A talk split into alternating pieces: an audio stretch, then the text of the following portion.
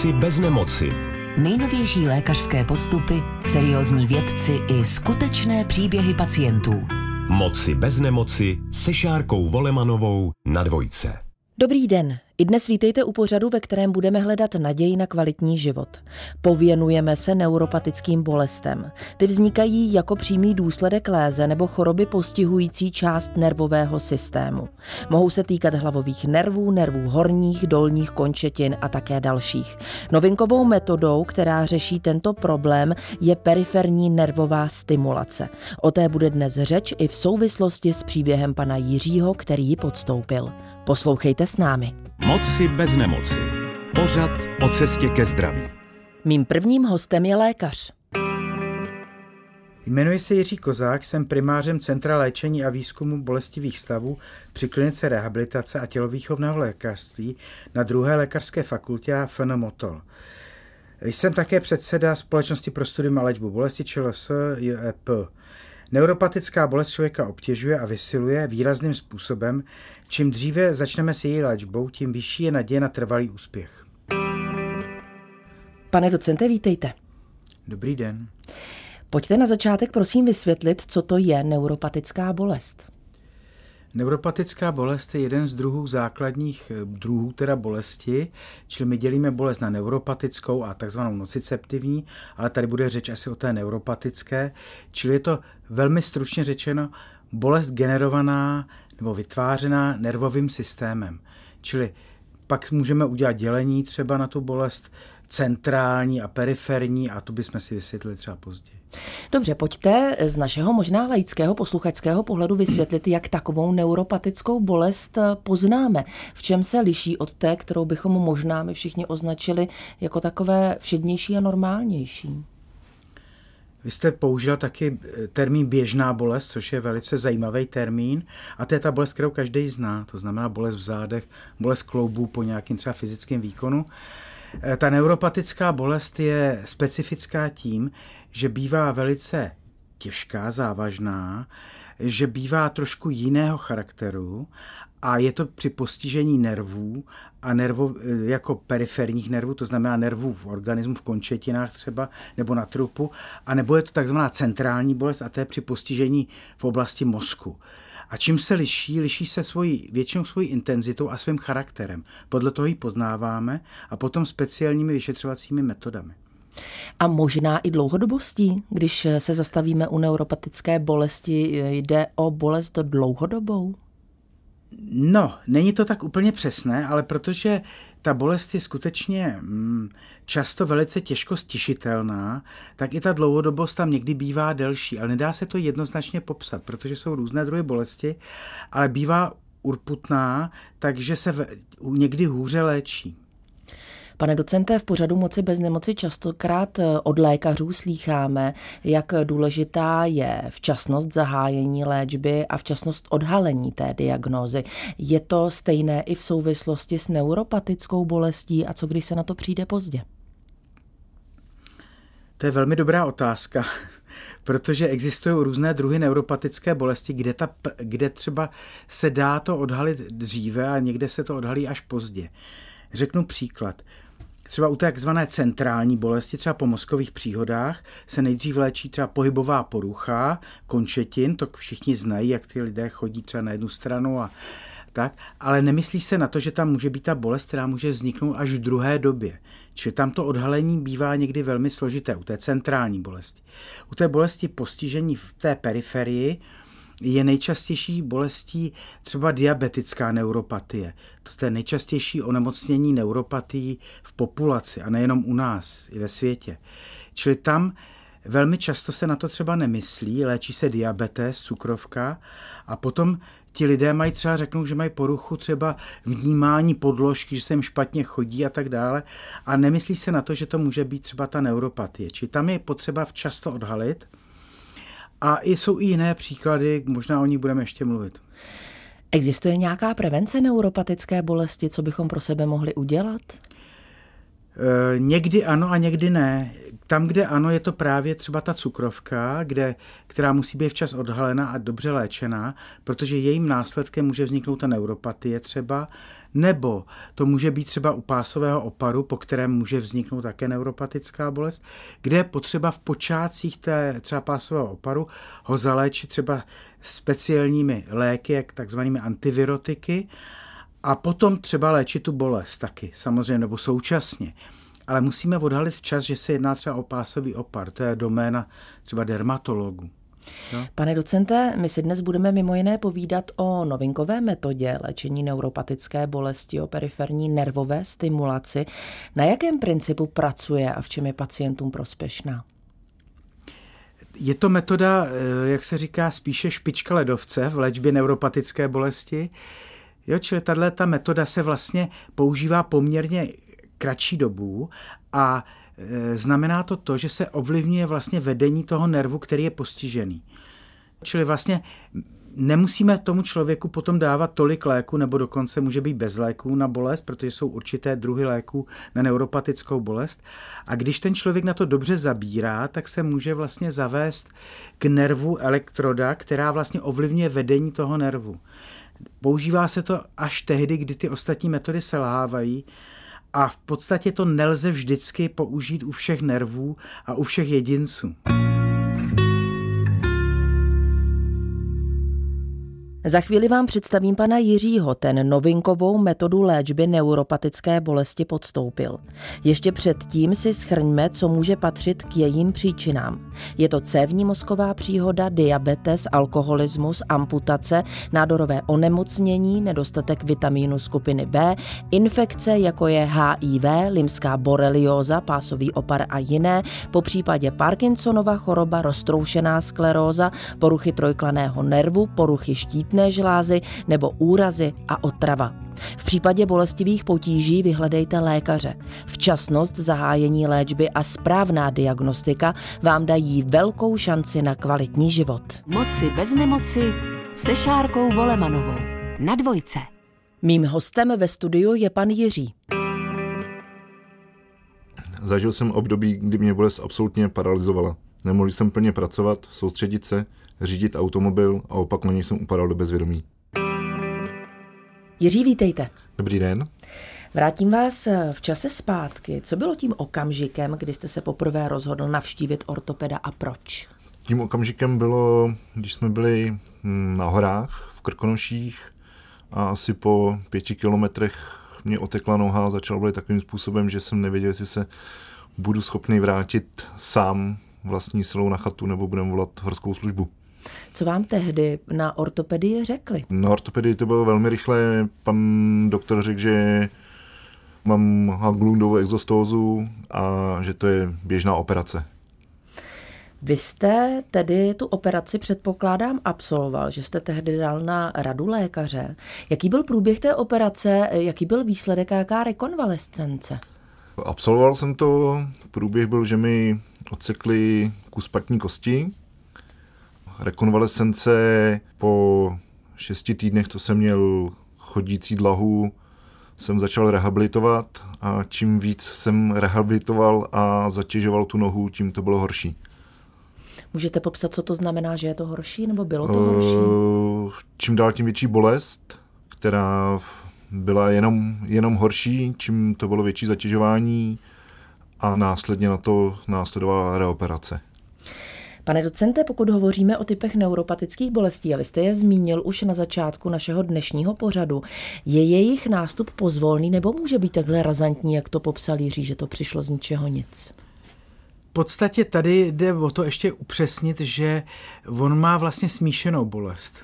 Jo, že on vlastně on má bolest jednak z oblasti teda té exostózy, Haglundově, jak správně říkal. Vysvětlete, co to je. No, je to, je to vlastně se tomu říká osteofit, česky výrůstek na patní kosti, který pro ortopedii je docela běžná věc, není to nic neobvyklého. Většinou se to léčí buď to konzervativně, to znamená lékama a podobně, eventuálně, když to nejde dál, tak se to operuje. To znamená, že se ta kost lidově řečeno usekne nebo odsekne a je teda vlastně ta kostička mezi achilovou šlachou a pod tím vlastně je to taková jako boulička na kosti. Bohužel tady došlo k tomu, že tam je bolest jedna, která v té kosti, to je tam se tomu říká periost, a jednak v okolí toho nervového zásobení. A ta, ta nervová bolest, která vznikla při otoku, kdy to dráždilo vlastně ten nerv, nebo pooperačně, kdy tam vznikly ty reparační procesy, tak vlastně podráždila ten nerv, ale ta nervová bolest vlastně toho nervu byla daleko intenzivnější eh, pro pacienta, než vlastně ta bolest z té kosti. Jo? Čili oni vlastně to v úvozovkách určitě udělali dobře ortopedi, uřízli dobře tu kost, ale bohužel tam byla ta reakce potom toho nervu, že ten se nechce, jak, si, eh, jak se říká, spamatovat nebo nechce ustoupit té bolesti. Jo? Čili jak se dráždí nerv, tak ten nerv většinou dost dlouho dost dlouho zlobí. Pane docente, eh, Jiří tady zmínil ve svojí vizitce, že opakovaně upadal do bezvědomí. Eh, popisuje asi obrovské bolesti. Je to obvyklé, že ta intenzita bolesti může být tak veliká? Může se to stát, u něj vlastně eh, to byla taková jakoby bolest, která začala jako akutní vlastně a jeho to opravdu hrozně um, hrozně trápilo, takže může to někdy z té bolesti být takovýhle stav. Já jsem, uh, já budu říkat Jiřího teda, abych neříkal pacient, aby to nebylo neosobní, jsem viděl, když přišel poprvé do mhm. ordinace a opravdu teda vypadal dost děsně, byl tak jako zničený tou bolestí. Jo. My se ptáme na intenzitu bolesti, takže já myslím, že on taky říkal, že mývá i 10 z 10, to znamená 10, 10 je stupňů bolesti z 10 stupňové škály nebo z 11 stupňů škály a my popisujeme tu desítku, jakože to je naskočení z okna. Hmm. No takže on na to i vypadal, jako, čili se nedivím, že mu bylo vlastně do, až do bezvědomí, do kolapsu z té bolesti. Vy jste teď zmínil ten okamžik, kdy jste Jiřího viděl, že na tom opravdu v souvislosti s bolestí nebyl úplně dobře. Když pacient eh, přijde s takovými bolestmi, jaká ho čekají vyšetření a jak se vlastně postupuje v určení diagnózy? Tak eh, první je s tím člověkem za prvé mluvit, což se může přijít jako posluchačům jako legrace, ale eh, v podstatě to není legrace, je potřeba podrobné vyšetření toho člověka, jo, protože my musíme zjistit, jak, o jaký druh bolesti se jedná. Jo, čili vlastně, když vyšetřujeme tu bolest, tak vlastně tam je i porucha citlivosti, je porucha, může být porucha reflexu a tak dále, pokud se jedná zejména o tu neuropatickou bolest. Čili my musíme odlišit ten druh bolesti z nervů, z nervového zásobení, která u toho Jiřího převažovala, od té bolesti, která se říká ten druhý druh, ten nociceptivní, která by byla třeba z té kosti. Jo, i u něj to bylo smíšený v podstatě ale ta, no, ta, ta, ta neuropatická z toho nervu převažovala. Jo, čili nejdřív je vyšetření, to je první. A musíme získat to podezření. Potom, my máme ještě vlastně svého neurologa, tak i k tomu neurologovi, aby ho detailně vyšetřil neurologicky. Potom se dějí různé speciální vyšetření, jako třeba na vedení nervů, třeba elektromyografické vyšetření, potom se dělá takzvaný pain tester, kdy testujeme tu bolest, jaký má charakter ještě. Čili on to vlastně musel všechno, ale on předtím už měl, myslím, EMG, to měl to vyšetření toho nervu, jestli tam není porušený vedení, mm-hmm. které tam porušené teda bylo. A čili tím se ten nerv vlastně vyšetří. Jiří, my jsme vlastně slyšeli tu první operaci. Vy jste říkal, že pak docházelo k reoperaci a po špatné zkušenosti v první nemocnici ještě, než se dostaneme k návštěvě a seznámení s panem docentem, tak vy jste prodělal druhou zkušenost a opět na ní nerad vzpomínáte. Eh, povězte prosím ve stručnosti, o jakou šlo. Eh, zkušenost byla taková, že když jsem se dostal do, do další nemocnice, tak po všech možných vyšetřeních a po konzilích v nemocnici mě vymysleli složitou operaci, kdy mě chtěli vyseknout větší část patní kosti a vymodelovat celou novou patu tak eh, při nástupu do nemocnice mě druhý den propustili, že to dělat nebudou a že vymysleli něco jiného. Mm-hmm. Jak to odůvodnili? Odůvodnili to tak, že po 20 minutách ležení na posteli a nípání na patě vytáhli vzorek z puchýře a řekli, že by to hrozilo infekcí a že do toho nejdou. Mm-hmm. Nakonec vám byl tedy oceknut kostní výběžek, který dráždil achilovou šlachu a šest týdnů přišla na řadu nechodící sádra. Jak se vám zdravotně dařilo? Ustoupila ta bolest? Nechodící sádře to bylo chvilku lepší, ale jak jsem vlastně mi sundali sádru a začal jsem jakoby znova rehabilitovat, tak to bylo ještě horší než předtím. Tak zatím samé špatné zprávy. Já teď do toho našeho povídání eh, zapojím dalšího hosta. S námi je teď ve spojení po telefonních linkách i eh, vaše žena, tedy manželka pana Jiřího Lucie. Lucie, vítejte v pořadu Moci bez nemoci. Dobrý den a děkuji za pozvání. Já děkuji za pár minut vašeho času. Váš manžel tady popisuje poměrně dlouhé a bolestné martýrium svých bolestí a hledání cesty k řešení. Jak to dlouhé období eh, jste tehdy vnímala vy, jak na něj vzpomínáte?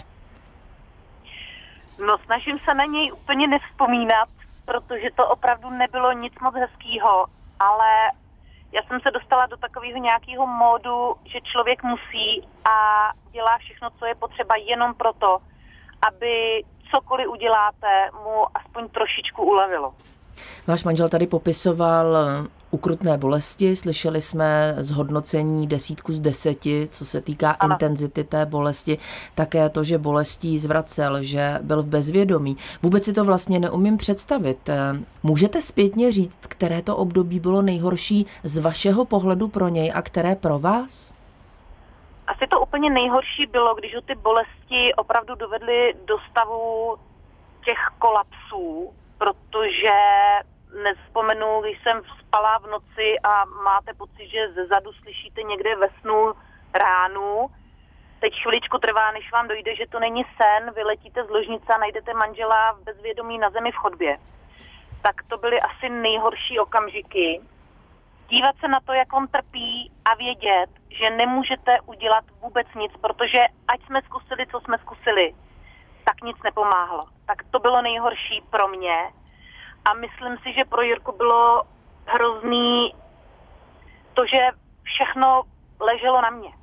A že věděl, že byť bych strašně moc chtěl cokoliv, s čímkoliv pomoct, tak ono to vlastně moc nešlo.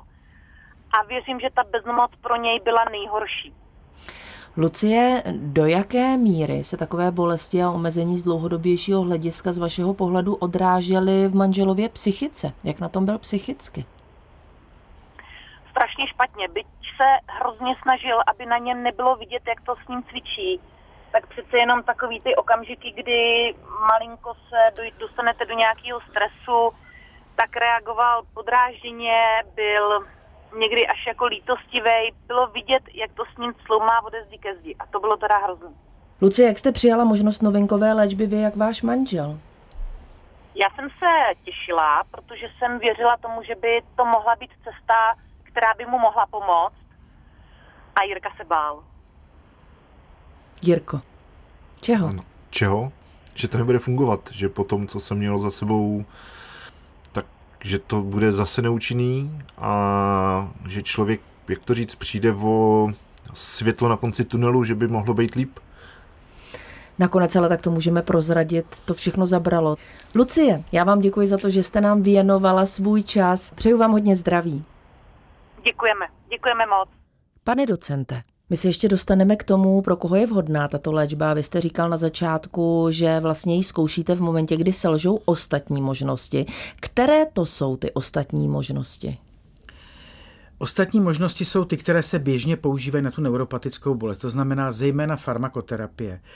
Je zajímavé, že právě u tohoto typu bolesti se dávají léky, které nejsou běžné, třeba u léčby běžné bolesti, jak jsme o ní mluvili. To znamená takové ty běžné léky, které každý zná, jako ty ibalgíny, ibuprofeny, eh, diklofenaky a podobně, to na tu neuropatickou bolest vůbec nemusí zabírat. Čili tady se používají léky z oblasti neurologie, takzvaná antikonvulzíva a které se používají třeba na záchvatovitá onemocnění a k tomu se používají antidepresiva, což může být pro někoho překvapivý, protože existuje určitý druh antidepresiv, které působí velice dobře právě na tento druh bolesti. Takže v těch nejtěžších případech se dává i kombinace těchto léků a pokud ten případ se nedaří zvládnout, tak se dává i silné opioidy, což Jiří měl taky, taky to měl vyzkoušený. A když potom nic nezabírá, ale ještě musí být ta lokalizace, tam to místo toho, té bolesti vhodné na tu novou metodu. Jo, nemusí to vždycky být vhodné, nemusí se nám podařit vlastně tam dostat teda tu, tu elektrodu, která takhle působí.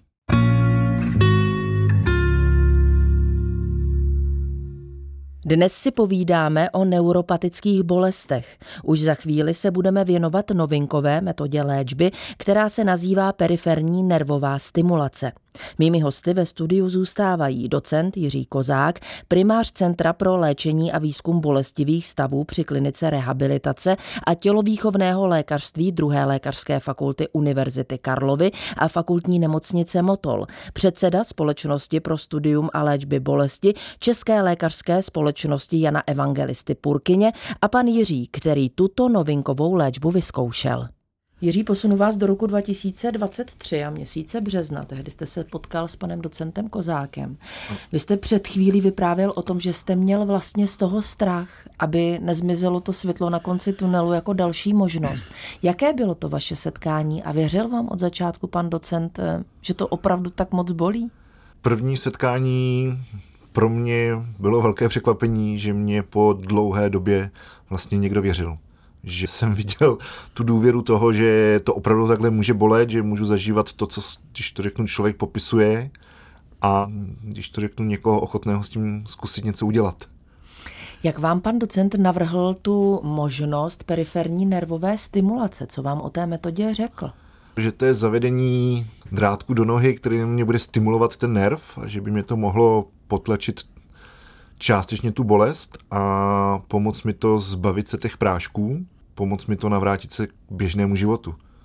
Když byste to měl popsat, protože ten zážitek máte za sebou, jaké to je, když vám vlastně tam zavádějí tu elektrodu, o které mluvíte? Z těch všech, když to řeknu, operací, to bylo to nejmenší. Člověk to necítí, není to, že by měl v noze píchnutou špejli nebo něco takového.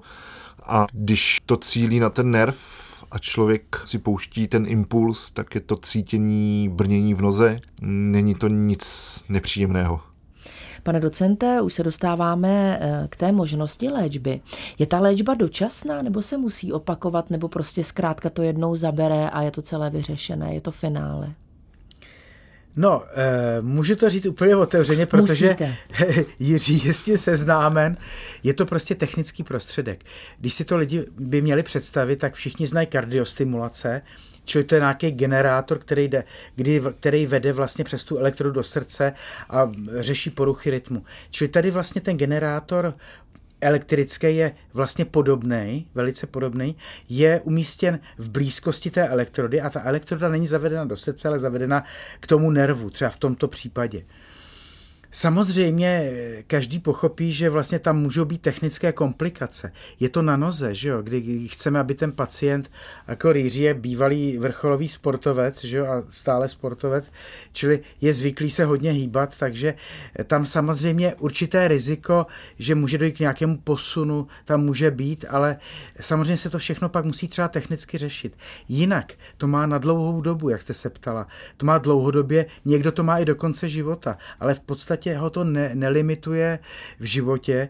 Navíc, když se mu vysadí ještě léky, což není vůbec jednoduché, eh, tak eh, potom vlastně může být bez jakéhokoliv omezení v životě. Pokud nechce skákat bungee jumping a, a nebo jezdit na koni, nebo takovéto věci, které můžou dráždit tu nohu. Má tato léčba, o které teď mluvíte, nějaké kontraindikace? Má jich hodně, má jich hodně. Čili tam vlastně si musíme říct, že ta metoda je poměrně drahá, eh, celý ten systém a tím pádem my musíme toho člověka velice důkladně prověřit, či ten člověk, než absolvuje eh, tuto metodu, jsou i jiné, teda neuromodulační metody velice podobné, tak musí absolvovat některá vyšetření. To znamená psychologický i psychiatrický, což by někoho mohlo překvapit, ale jde o to, aby jsme si byli stoprocentně jistí, nebo z vysokého procenta jistí, že se tam nejedná o nějaké nadstavbové chování, chci říct účelové chování, že ten člověk si třeba nějakým způsobem chce v nemoci zůstat a podobně. Či my musíme vědět od všech odborníků, že pod stránce třeba psychologické, tam není žádný psychologická nadstavba, po stránce psychiatrické, že tam není žádný projev bolesti, který by byl dán třeba psychiatrickým onemocněním. Musí tam být vyšetření neurologa, který nám potvrdí tu dráždění toho nervu a i s těma pomocnýma metodama. Musíme tam být dokonce i imunologické vyšetření, protože se zavádí na dlouhou dobu cizí předmět do toho organismu. Čili dostali jsme všechny vyšetření, že v podstatě Jiří je velmi zdravý, někdy možná až moc, a takže neměl kontraindikace k tomu zavedení a měl indikace z hlediska i toho neurologického, že to může mít. Vy jste zmínil, pane docente, informaci určitě důležitou pro naše posluchače, že ta léčba je velmi drahá. Hradí pojišťovna? Pokud ten, ten člověk je správně indikován, má všechny ty vlastně vyšetření, které pojišťovna vlastně vyžaduje, aby byl vyšetřen, tak ta metoda je plně hrazena pojišťovnou. Toho si velice vážíme samozřejmě od pojišťovny. A takže ona ta cena takovýchto výkonů je většinou v oblasti takového malého auta, ta cena. Čili to je docela dost, dost drahé. No. Jiří, povězte, eh, vysazení léku, návrat do života, eh, dlouhodobost takové léčby. Jak jste na tom dneska, jak se vám daří? Dneska no, jsem na tom, že vysazuju postupně prášky, což je pozitivní a snažím se vrátit do běžného života, do práce a zatím je to všechno za mě na dobré cestě. Zaťukám to. Děkuji. Aby to všechno dobře dopadlo. Pan docent eh, byl tím člověkem, který vám vlastně pomohl a který vám věřil. Chcete mu teď něco říct? No já bych mu chtěl poděkovat za to, že jsem ho měl možnost potkat a že se mě ujal a že to dopadlo tak, jak to dopadlo. Pane docente. No, my samozřejmě při té indikaci indikujeme to i podle toho, jak ten člověk je schopný spolupracovat. To je hrozně podstatný, protože ten člověk musí být spolupracující mít aktivní přístup k životu, protože takový lidi, kteří už třeba upadnou do chronické bolesti a už nechtějí ze sebou nic dělat, tak jsou velice složitý, protože on musí na sobě pracovat. On je skromný, on to neřekl, ale on musí se naučit s tím přístrojem pracovat, musí být schopen třeba vysadit ty léky nebo se snažit se je omezit. Čili musí být člověk aktivní a člověk, který je ochotný spolupracovat. Čili i to patří k té indikaci. A to všechno tedy z vašeho pohledu a zkušenosti Jiří má? Má? Jiří, já vám děkuji za to, že jste dnes přišel k nám do pořadu Moci bez nemoci. Máme tady rádi příběhy, které mají naději na kvalitní život a vy jste ji přinesl. Hodně zdraví vám přeju. Děkuji za pozvání.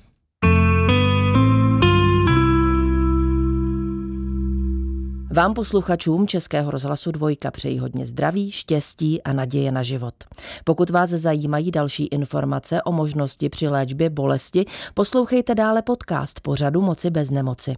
Mým hostem ve studiu zůstává docent Jiří Kozák, primář Centra pro léčení a výzkum bolestivých stavů při klinice rehabilitace a tělovýchovného lékařství druhé lékařské fakulty Univerzity Karlovy a fakultní nemocnice Motol, předseda Společnosti pro studium a léčbu bolestí České lékařské společnosti Jana Evangelisty Purkyně. Všechny díly pořadu Moci bez nemoci poslouchejte na dvojka.rozhlas.cz v aplikaci Můj rozhlas.cz a v dalších podcastových aplikacích. Mým hostem ve studiu je docent Jiří Kozák, předseda Společnosti pro studium a léčbu bolesti České lékařské společnosti Jana Evangelisty Purkyně.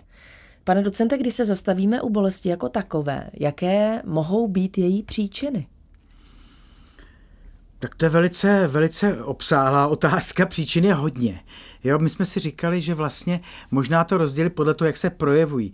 Tak jsme si říkali, že třeba ta bolest je neuropatická, tak tam jsou příčiny třeba postižení toho nervu různého druhu. Může to být metabolické, to jsou, to jsou ty, které při tom diabetu, potom při poškození nervu nějakým způsobem, nebo jsou ty alkoholické, to tam vlastně jsme si říkali, ale to po, po alkoholu to není tak zase běžné. A potom jsou různá onemocnění, třeba neurologická, při kterých jsou ty neuropatické bolesti. Že to jsou ty příčiny. Třeba roztroušená skleróza je obecně známá, tak u toho můžou být také poměrně eh, velké bolesti a podobně. Potom bolesti ty běžnější jsou ty nociceptivní, jak jsme říkali, to je ten ten protipol těch neuropatických, bohužel někdo má i smíšený, a to jsou bolesti, které tak běžně známe, jak jsme se bavili o těch běžných analgetických, běžných bolestech. To jsou bolesti třeba kloubů a zad. To jsou nejčastější bolesti vůbec populaci. Nejčastější je bolest zad a bolest velkých kloubů. Takže to jsou takové ty typické bolesti kloubů u nějakých artrotických obtíží u starších lidí třeba prostě, protože tam jsou degenerativní změny.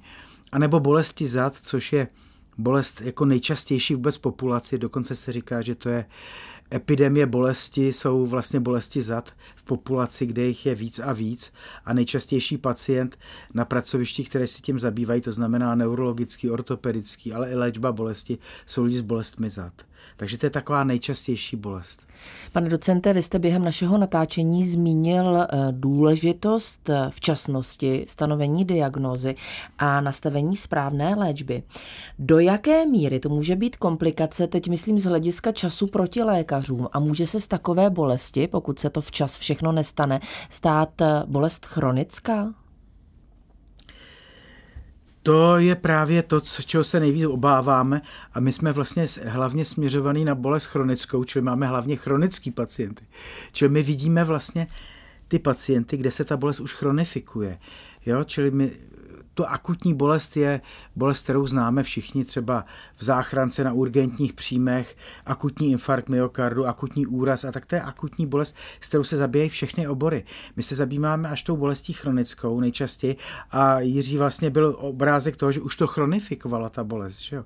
že to už je to největší nebezpečí, kdy už tam vlastně vznikají další a další se nabalují další a další příznaky, zejména v oblasti třeba psychické. Jo? Čili vlastně ta chronická je velice nebezpečná věc, věc, když to vejde do té chronifikace, kdy tam vznikají ostatní následky. Nejvíce bojíme právě eh, na bolesti, na dopadu na ten kvalitu života v té sociální oblasti. Ty lidé, kteří jsou typicky s tou chronickou bolestí, která se nedá zvládnout a ne vždycky všechno vylečím a pomůžem, že jo, tak, může, tak jsou to nejčastěji třeba invalidizace, invalidní důchodci, nebo ztratí zaměstnání, jsou to rodinné problémy, jo, čili tam je vyšší rozvodovost a tak dále. I, ta, i v té sociální sféře ty lidi můžou mít nedostatek i vlastně v oblasti ekonomické. Čili to je velký problém, ta chronifikace bolesti. Pane docente, vy jste zmínil tu soustažnost určitě logickou psychika a bolest a e, různá omezení, která to e, přináší do života člověka. Stává se to často? Setkáváte se s tím často ve své ordinaci, že to člověka vlastně úplně paralyzuje a dá se vůbec říct, co s tím? No, to je právě to složitý. Právě proto máme poměrně málo odborníků v té naší profesi. To je, tomu se říká algeziologie, či léčba bolesti. A je, vlastně my se zabýváme tou chronickou bolestí zejména. Tou akutní se zabývají ty všechny obory. Takže my, abych to upřesnil, my máme vlastně kolem 70% pacientů našich má nějaký problém s tou psychikou. To znamená, že už tam je třeba subdeprese nebo nějaká rozlada psychická, nebo tam jsou taky vlastně ty následky té bolesti, která už třeba už je vlastně ve svém začátku potlačena. Dejme tomu pro příklad, už ten člověk třeba absolvoval nějaká vyšetření nebo, nebo operační řešení třeba chronické bolesti zad, že po neurochirurgické operaci třeba plotínek, to je poměrně časté. A i když ta vlastně ta operace proběhne velice dobře a úspěšně, to znamená, morfologicky už je to vyřešené, když to takhle řeknu, tak ten člověk může vlítnout do, nějaké, do nějakého stavu chronické bolesti, kdy ta bolest přetrvává. Někdy se to těžko chápe lidem, že říkají, no tak oni mi říkají, že už to je vyřešený, že už je to spravený.